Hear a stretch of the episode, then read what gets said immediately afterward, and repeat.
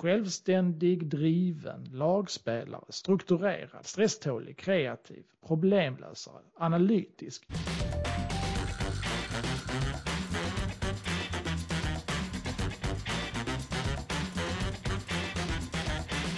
Då hälsar jag välkommen till ännu ett avsnitt av Kommunikation med Svensson och Mattisson. Idag med mig Anders Svensson och eh, dessvärre utan Linus idag som tyvärr vabbar. Men eh, vi kompenserar upp det med råge genom att ha två supergäster med här idag. Dels är det ju Stefan Lundin som du som har lyssnat på podden ett tag kanske känner igen för vi har haft med dig en gång tidigare Stefan. Välkommen än en gång till Kommunikation med Svensson och Mattisson. Ja, tack så mycket. Det blir första återkommande poddinspelning för mig också. Du är fortfarande sen sist vi sågs kommunikationschef på Geely i eh, Göteborg. Ja, stämmer bra. Och eh, för den som inte kanske varit med så lång tid tillbaka, för det är väl över ett år sedan vi spelade in ett senaste avsnittet med dig. Så eh, lite kort, vem, vem är du eh, och din bakgrund? Ja, men precis. Nej, men jag är eh, press och kommunikationschef för Geely i Sverige. Och Geely är mest känt som det kinesiska bolaget som köpte Volvo en gång 2010. Men vi är rätt mycket större än idag. Vi är en av världens största fordonskoncerner. Och jag representerar PR-funktionen i Skandinavien. Eh, bakgrund från offentliga kommunala bolag, SKF, eh, till och med var på Volvo Cars innan. Så en ganska bred kommunikation och, och eh, PR-bakgrund. Eh, med fäbless för eh, sådana här saker som eh, employer branding och mediahantering. Härligt, för det är lite sånt vi ska prata om idag. Och jag välkomnar glatt Sofia Sjöström också. Välkommen Sofia! Hej och tack snälla! Du och jag Sofia är ju gamla kollegor sen, eh, vi har ju båda jobbat tillsammans på SVT och eh, liksom så många andra journalister har hamnat i kommunikationsbranschen. Så eh, vad vad är det du sysslar idag inom kommunikationsspektrat? Och, eh, du kan ju dra lite grann om din bakgrund också såklart för den som inte är så välbekant med dig. Ja men precis. Vi är ju gamla kollegor precis som du sa. Jag har en bakgrund som journalist, jag har jobbat i 16 år som journalist och bland annat största delen av min Eh, journalistkarriär på TV, SVT eh, och TV4 eh, har jag spenderat många, många år, jobbat redaktör och programledare och reporter. Men sen gjorde jag som en del andra och sadlade om till kommunikationsstrateg och idag jobbar jag inom offentlig verksamhet på Örebro kommun. Örebro är ju Sveriges sjätte största kommun. Eh, vi har en stor organisation och där ansvarar jag för vårt media och marknadsarbete men jag jobbar också med andra frågor och har jobbat med rekryteringskommunikation till exempel. Mm. Du driver en podd också. Ja men det gör jag. Sveriges viktigaste chefspodd som är en ledarskapspodd kan man säga.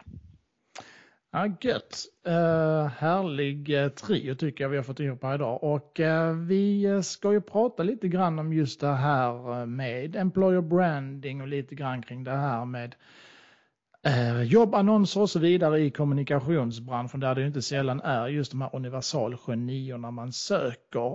Ja, men lite sjuka i branschen som har ju spridit sig när det gäller just det här vilka personer man söker. Det är ju inget snack om att det är en väldig utmaning för alla arbetsgivare att eh, hitta rätt personer till rätt uppgift och så vidare. Och eh, då är ju det här, liksom, jobbannonsen är ju liksom det, det främsta sättet att gå till. Men äh, där har vi ju också slagit fast att äh, jobbannonserna kanske är lite för optimistiska och att äh, man har fortfarande den här övertron på en i många fall verkar det som att det är en övermänniska man söker och så vidare. Vad är era spaningar kring detta? För jag vet ju att ni, ni, ni har ju båda mycket synpunkter.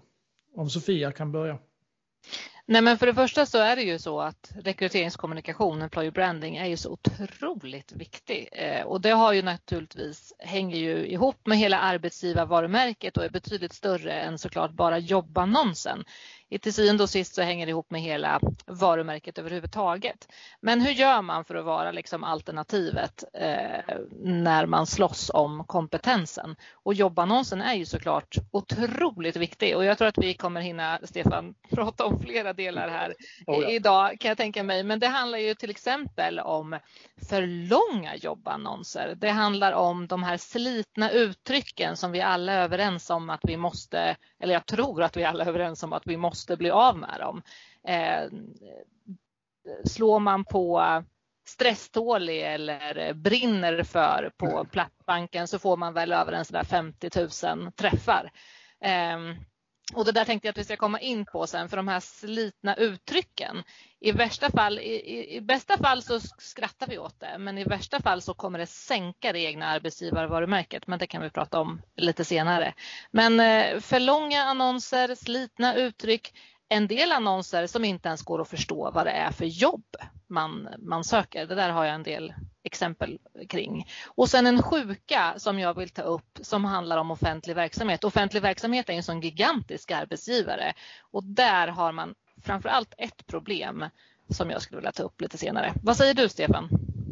Nej, men jag, jag tycker det är ganska mångfacetterat eh, problem vi har här. Dels har vi hela de här slitna, eh, jag tänkte också på det här med brinna för eller vår nästa stjärna och alla sådana slitna klyschor som, som man ser överallt. Det är ju någonstans vilken typ av egenskaper man söker hos folk som eh, både är fyllt med klyschor och eh, där man eh, ställer krav på eh, personlighetsegenskaper som knappast de som rekryterar kan tycka sig själva ha. Allt från stresstålig till bollar i luften och Eh, social förmåga och så vidare. Och, så vidare.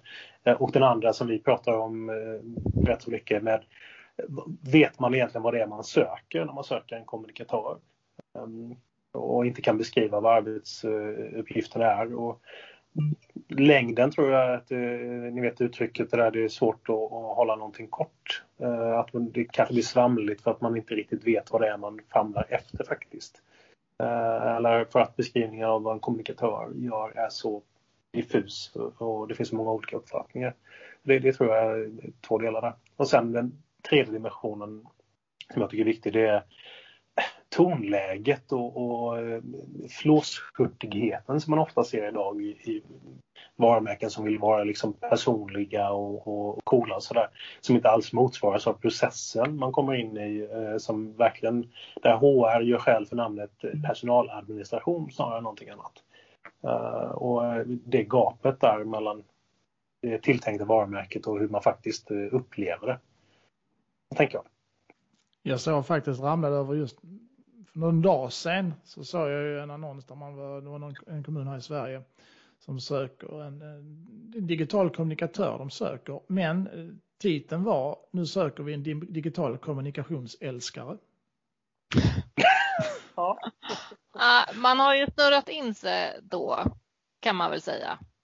Ja, det har man ju gjort och eh, liksom jag vet inte var jag ska börja riktigt med den grejen, men det känns liksom som en varför överhuvudtaget gör man det? Det, det är precis det här som du nämner just det, för att man vill signalera någonting som man inte har fog för att signalera på något sätt. Och det, det går lite grann i samma tema som det här, ja men är du vår nästa stjärna? Alltså den här grejen, eller brinner du för eller vad det är. Jag har sett sådana här äh, meningar också, du lever och andas sociala medier. Jag tänker på det som äh, ledde fram till den här diskussionen egentligen, eller, eller att ämnet kom fram nu igen här. Äh, det var ju den här resuméartikeln som jag egentligen bara hunnit skumma, så jag ska inte ta gift på det, men min uppfattning var att det var väldigt mycket fokus på um, säga, personliga attribut, eh, stresstålig och alla sådana här eh, saker där snarare än, än själva yrkesbeskrivningen där.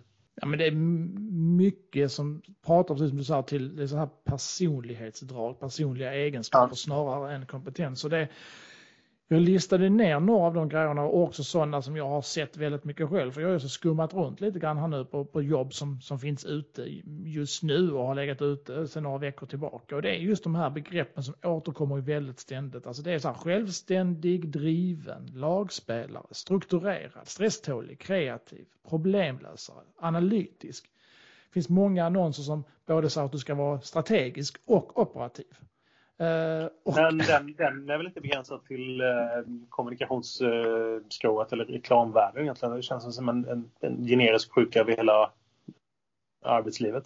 Absolut, Absolut, så är det definitivt. Och just den här är liksom specifik för väldigt för att man är, är, är duktig eller en fena på både intern och extern kommunikation som för mig är två helt vitt skilda begrepp. Och sen just den här klassikern då, liksom att man lever och andas sociala medier och sånt som jag sprungit på. Eller du kan sociala medier som ett rinnande vatten, typ sådär. Um, lite klatschiga benämningar.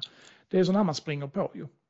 Men för det första det här med att lägga så stor vikt vid personliga egenskaper, om vi kommer tillbaka till det här med slitna uttryck sen också. Alltså det borde ju vara viktigare vilka kompetenser man har. Sen är det klart att man vill ha en trevlig och positiv medarbetare, men är positiv det vi ska ta jättestor plats för i jobbannonsen? Eller är det viktigare att veta att man söker någon som är vass på Office 365 till exempel? Och de här... Det beror lite på Sofia, bara spontant där eh, jag har en del eh, jobbsituationer där jag befinner mig just nu där det är enormt viktigt med personligheten. Där det snarare ja, det går att träna eh, fram vissa eh, kompetenser. Så jag skulle snarare kanske vilja säga att det beror på tidshorisonten. Har man gott om tid på sig att lära upp någon på eh, speciella yrkeskompetenser så kanske liksom, eh, personligheten den är svårare att förändra över tid. Medan om du har ett omedelbart behov, någon som är vass på Office 365 liksom. Eh, då, då, då kan det vara någon ganska butter eh, eh, och social typ som kan komma in. Och det är ju helt rätt och då är det ju det man ska lyfta fram. Men eh, har ni varit med om, det är så få annonser som riktar in sig på antingen det ena eller det andra. För har man det syftet att vi söker en viss person med vissa personliga egenskaper, då lyfter man ju fram det jättetydligt. Men jag tycker ofta att man ser de här långa jobbannonserna som kanske listar en kravlista på 20 olika krav på kompetenser som väldigt få, jag skulle säga ingen, kan uppfylla hela den kompetenslistan. Och sen längst ner så står det, vi lägger stor vikt vid personlig lämplighet. Och då kan jag bli otroligt full i skratt. För vad är det man vill ha då? Vill man då ha de här personliga egenskaperna man är ute efter? Eller vill man ha någon som uppfyller hela den här jag tror man får bestämma sig. Jag tror precis som du Stefan att man måste bestämma sig för vad det är man är ute efter för att kunna få till en bra jobbannons. För jag tror då får man min, jag har också varit med om att rekryterat folk och så vidare och märker ju också på jobbannonsen sätter ju lite agendan för de ansökningar du får sen. För att har du just de här annonserna, precis som du nämnde Sofia, de som som rabblar upp de här 20 egenskaperna som, som liknar vid en supermänniska som inte finns, då får du ju oftast rätt många ansökningar också som ju rabblar upp de här sakerna för att man vill ju liksom att ens ansökan ska spel, spegla annonsen som arbetssökande. Oj, de verkar som att de söker en strukturerad, stresstålig, kreativ problemlösare och då måste jag få in det här i min ansökan. Det är kanske inte alls det jag vill lyfta fram kring mig själv och mina kunskaper, men jag måste få med det för att de nämner det i ansökan. Eh, och så får man ju också dåliga eller mindre bra ansökningar i retur. Förstår ni hur jag menar? Att det blir liksom ett ond cirkel. Och problemet är ju att om kravet är universalgeniet, eh, då missar vi de där som kanske inte har prickar in precis alla delarna i kompetenslistan, men som skulle vara den perfekta personen rent egenskapsmässigt. Och precis som Stefan säger, som vi sen kan lära upp med de andra delarna. Mm. Precis. Stefan, du nämnde att du var ju igång här med att rekrytera också nyligen. Uh... Ja, jag, eh, precis. Jag har haft uh, dels en, uh, en tjej som jag rekryterade in här för ett tag sedan som en uh, uh, mammavikarie. Gud, nu känner jag, nu blev jag så här, får man säga så? Heter det så nu för tiden? Men en, en tillfällig anställning i alla fall som, som täcker eh, på ett vikariat. Eh, och nu håller jag på och filar på ett eventuellt eh, kanske kommande jobb här. Eh, och då, då landade jag direkt i, i den här avgränsningsgrejen med, ja men, ah, gud, eh, vad ska personen syssla med? Och så börjar jag själv lista ner de här sakerna så faller jag direkt i fällan att ja, men du ska kunna media och kommunikation och du ska eh, även till nöds kunna hantera liksom basala Powerpoints och, och eh, Adobe-funktioner. Um, och uh, även kunna projektleda en byrå och så vidare. Så, och så gärna kunna skriva lite och så. Så det, man fastnar ju själv i det där även om man själv är väldigt medveten om det. Eh, jag vet inte riktigt hur, hur man ska komma loss från det för någonstans så har man ju den här uh, moment 22 att man har stora behov men en begränsad budget någonstans. Och det är väl det som är bakgrunden till mycket av att det ser ut som det gör. Även med de som förstår vad yrket handlar om. Precis. Och eh, vi har ju lyft det tidigare också lite grann att en, en grund till detta kan ju också vara, precis som tror ni båda har nämnt vid olika tillfällen, att de som ska rekrytera de här kommunikatörerna, strateg, kommunikationsstrategerna, eh, cheferna och så vidare kanske inte själva har en form av kommunikationsbakgrund. Alltså just det här, vad är det kommunikatören ska göra för oss? Och eftersom att vi har ju kunnat slå fast, slå fast väldigt många gånger att det finns en väldigt bred, eh, inte så samsynigt sätt på vad en kommunikatör vad en kommunikatör ska göra. Det är, det liksom, det är därför som det den här hashtaggen har uppstått på LinkedIn, vad gör en kommunikatör? För att det är precis som att hela branschen tycker att vi behöver förtydliga detta utåt sett eftersom att det finns så mycket missuppfattningar och så mycket föreställningar om vad en kommunikatör ska göra. Att, att där redan blir det fel, alltså just det här att vikten av att vara en bra beställare, det spelar ingen roll om du beställer en produkt eller en,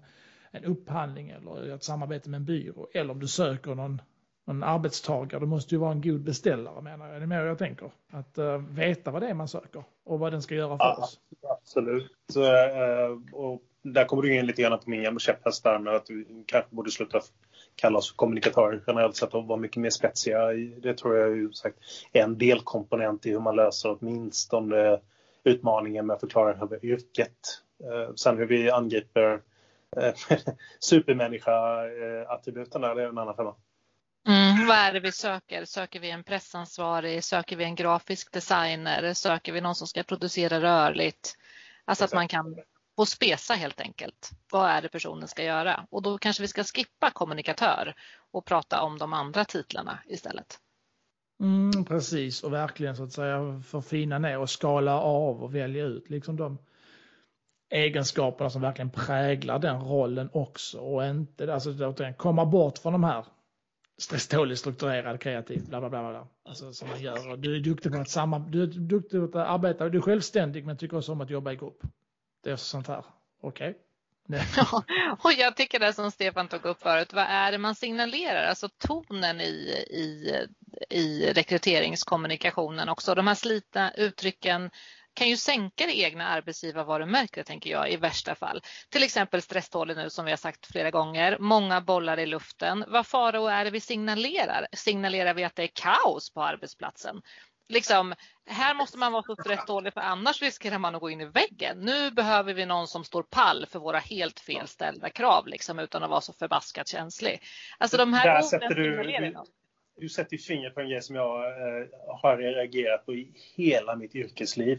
Jag tror, eh, jag vet inte hur många gånger jag stött på, eh, eh, kanske inte så mycket jobbannonserna per se, men när man väl kommer till liksom intervjusituationer. Sådär, att, att, alltså, här jobbar vi väldigt mycket förstår du.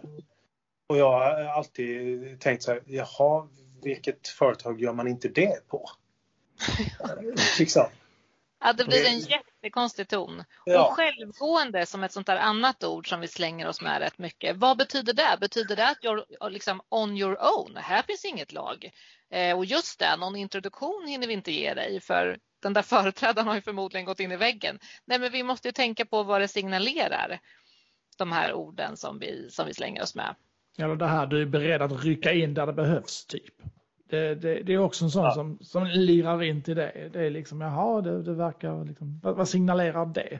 Ja. Det signalerar på att det finns rätt många liksom, tomma fläckar som vi inte har riktigt koll på, där, där ingen riktigt vet vem som gör vad. Det, där, där måste du vara beredd att rycka in och liksom agera städare på någonstans när det uppstår, för vi har inte riktigt koll i alla led.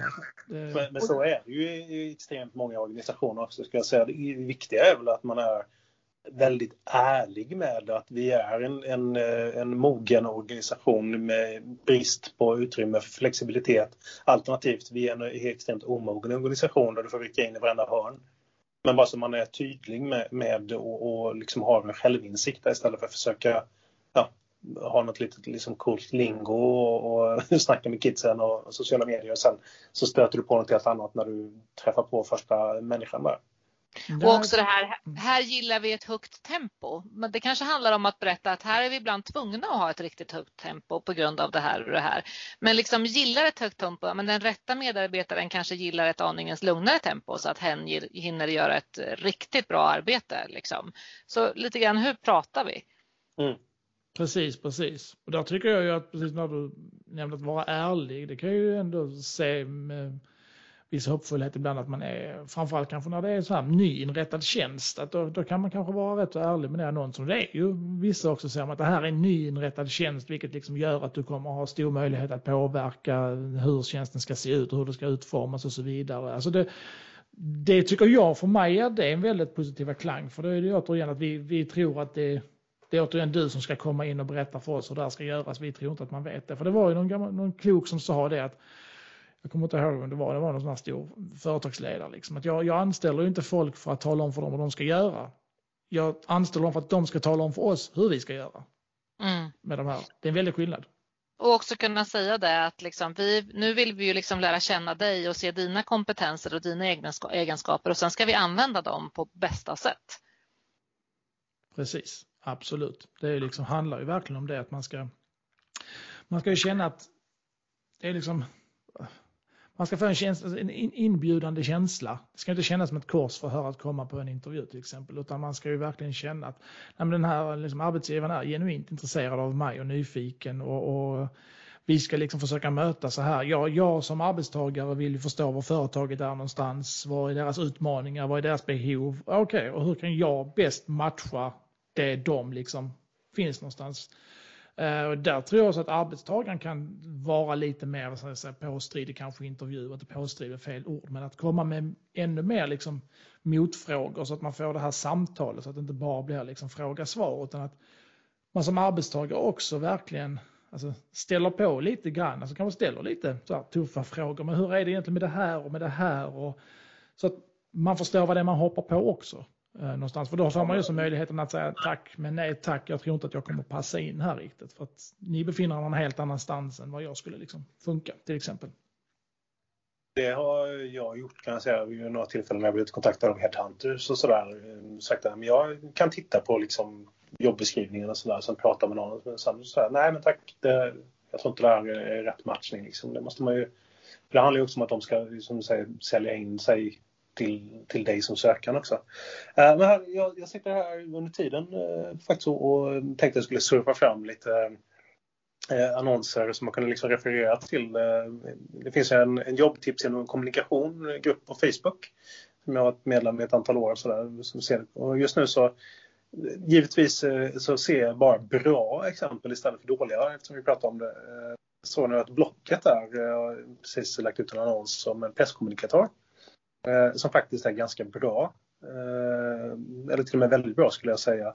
Som väldigt detaljerat går in på vad man ska göra eh, men också hur gruppen hanterar och eh, eh så kommer hej från din blivande chef eh, Teru Marjamäki mm, som får en eloge här för att prata om hur han försöker skapa en arbetsmiljö där entusiasm, passion och humor blomstrar och som presskommunikatör kommer du ha bla bla, som, som jag känner är en väldigt tilltalande eh, form. Liksom. Det kan jag rekommendera att gå in och titta på. Men sen även eh, Skatteverket som söker en strategisk kommunikatör som kanske är lite mer Skatteverkstorr men eh, å andra sidan så är det väldigt liksom, tydlig och, och, och pratar om exakt vilka typer av arbetsuppgifter man ska göra. Eh, och för att vara en kommunikatörsroll så, så tycker jag den är väldigt eh, spetsig. Mm, den var jag faktiskt varit inne och tittat på också. Den, jag håller med dig fullständigt. För exakt min grej. För min, min förväntning var inte heller jättehög när jag gick in liksom och såg det här med att Ja, det är Skatteverket som är strategisk kommunikatör. För min, jag var inställd på just det här du sa, knastertorrar. Visst, det är fortfarande Skatteverket, men den är, är väldigt bra, väldigt spetsig och väldigt uh, rejäl. Och uh, det är liksom tydligt vad det är man söker för någonting. Uh, så jag håller helt med den faktiskt. Och just det här skatte, jag tänkte på vi hade en, en uh, annons ute i Sverige för ett tag sedan som var just för en skattejurist, tror jag det heter på svenska och det jag reflekterade över där var att eh, Boel som är vår skattechef eh, var den som hade skrivit utkastet till annonsen precis så som jag skrev eh, utkastet till kommunikationsroller. Och det tror jag också är lite grann en, en viktig del att det inte är liksom HR som först skriver utkasten så, utan att det verkligen är en beskrivelse som kommer från den som kan yrket. Eh, för den jobbannonsen för skattetjänsten där, den kanske inte var jättespännande ur min synvinkel men jag förstår att de som jobbar med, med skattefrågor tycker att den var väldigt tydlig och, rak. Liksom. Precis, precis. Om vi ska försöka vara lite så konstruktiva, där, vad, vad tycker ni liksom är de viktigaste grejerna ni vill trycka på kring hur eh, företag och så vidare ska, ska tänka just när man ska, eh, när man ska när man söker nya typer av kommunikationsförmågor? Eh. Ja, men jag tycker så här, för det första så är det ju så otroligt kostsamt att rekrytera fel.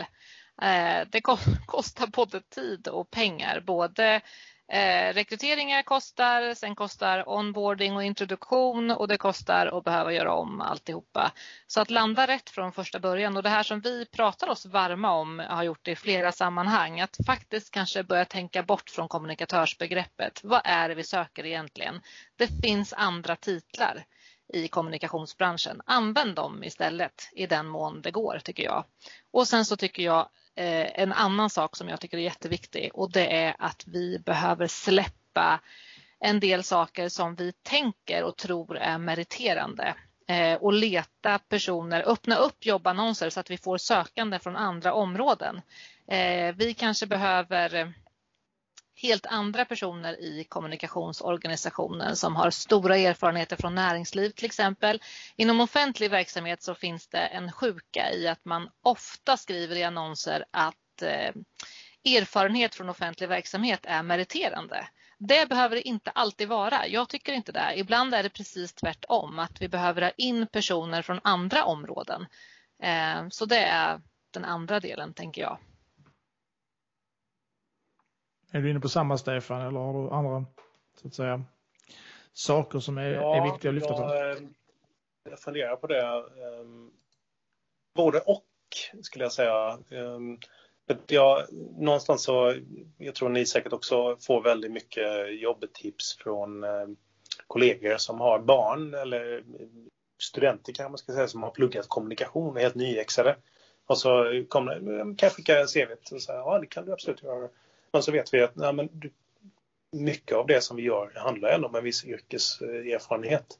Um, det, det kanske är samma linje egentligen där, Sofia, som du säger. Det behöver inte vara specifikt branschen, men att man har erfarenhet från yrket tror jag är en, en viktig eh, detalj som man kan trycka lite mer på i det här sammanhanget. Den, den är intressant för att det, det var så någonting jag snubblade över nu när man, när man kollade runt lite grann för att bilda sig en uppfattning kring just jobbannonser. Det här att en hel del eh, väldigt konkreta där. Jag tycker nästan onödigt konkreta för att det känns som att man sållar bort det här att eh, du, du, ska, du ska ha minst tre års erfarenhet av kommunikationsarbete. Du ska ha minst fem år har jag också sett av kommunikationsarbete. Varför är man så specifik i det fallet? Där skulle jag nästan eh, vilja att man är, inte är så specifik för att du kan ha jobbat med det här i två år och vara mycket bättre än den som har jobbat med det 5, 10, 15 år. Återigen, det, det, hur lång tid du har jobbat med någonting säger ju inte. Det, visst, det kan ju ge ett mått på erfarenhet, men det ger verkligen inte hela sanningen. Och att då skriva det här lite tydligt att ah, men vi, för att söka den här tjänsten så ser vi att du ska ha minst fem års erfarenhet.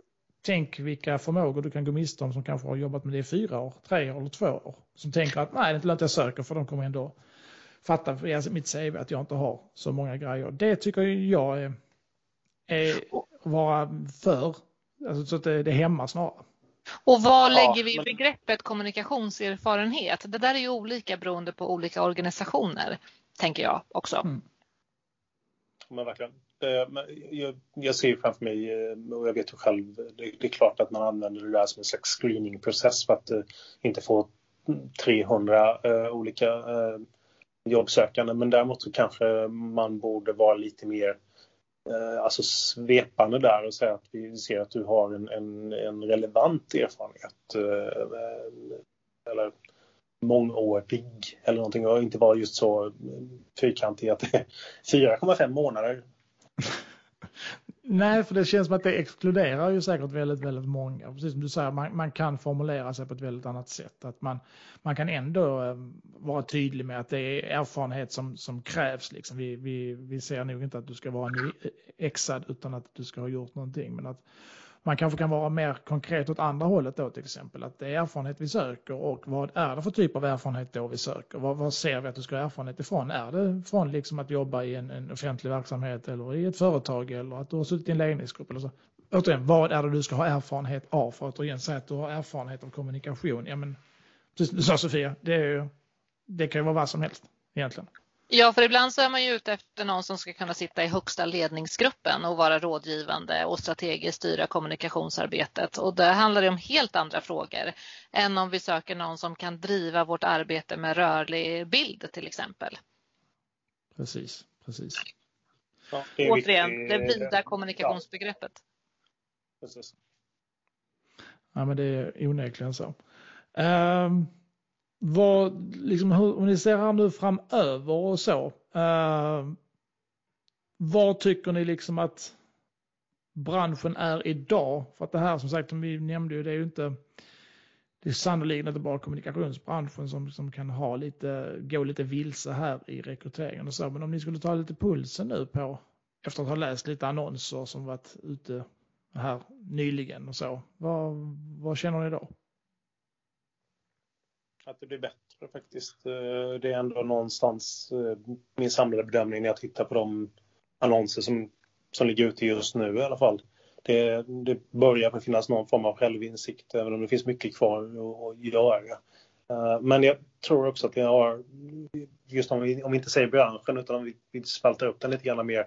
Jag tror det finns en större mognad på offentlig sida faktiskt och ju, ju mer kan man säga, omogen eller ung bransch eh, eller mindre bolag och sådär med min, mer oerfarna medarbetare så är det liksom en större omognad i annonserna. Och jag tror det speglar den här artikeln i Resumé väldigt mycket också. Det, tyvärr eh, reklambyråbranschen är en bransch som lockar till sig väldigt mycket eh, unga och liksom självskolade människor till, som har en annan attityd än om du jobbar på typ Skatteverket. Och mm. någonstans tänker man ju, nu har vi ju, de, de här diskussionerna förs på ett annat sätt än vad jag tycker att de har gjort tidigare eh, i många olika former och det ger ju ett stort hopp. Men man tänker ju att det är just kommunikationsbranschen som skulle vara S på det här. Eh, så jag tänker att vi kan bättre. Men har, du, har ni sett, eh, för du måste slänga in det skulle sagt från början, eh, Kreatörsguiden, kontot på Instagram? Nej. Detta har jag missat. Eh, då måste ni gå hit. Det är eh, en, eller ett gäng numera som har samlat på sig ett antal berättelser om eh, det handlar väldigt mycket om eh, ofoget i, i den kreativa branschen att eh, ta in eh, mer eller mindre obetalda liksom, eh, arbetsprover för att sedan stjäla de idéerna. Sånt hur man betedde sig i situationen när man väl har kommit in eh, Eh, i jobbsituationen. Eh, jag kan rekommendera att gå och läsa en del av de berättelserna. Det, det kanske är liksom lite eh, spetsigt och eh, vissa som blir outade och sånt men det, det är väldigt symptomatiskt för eh, en, en ändå relativt omogen eh, del av yrkeslivet kan jag säga. Kreatörsguiden på Instagram. Den ska jag lägga en länk till i beskrivningen här på podden så får man gå in och kika där. Uh, och så. Det, den är ju spännande just det här och det är väl en annan grej som vi kanske snabbt hinner avhandla.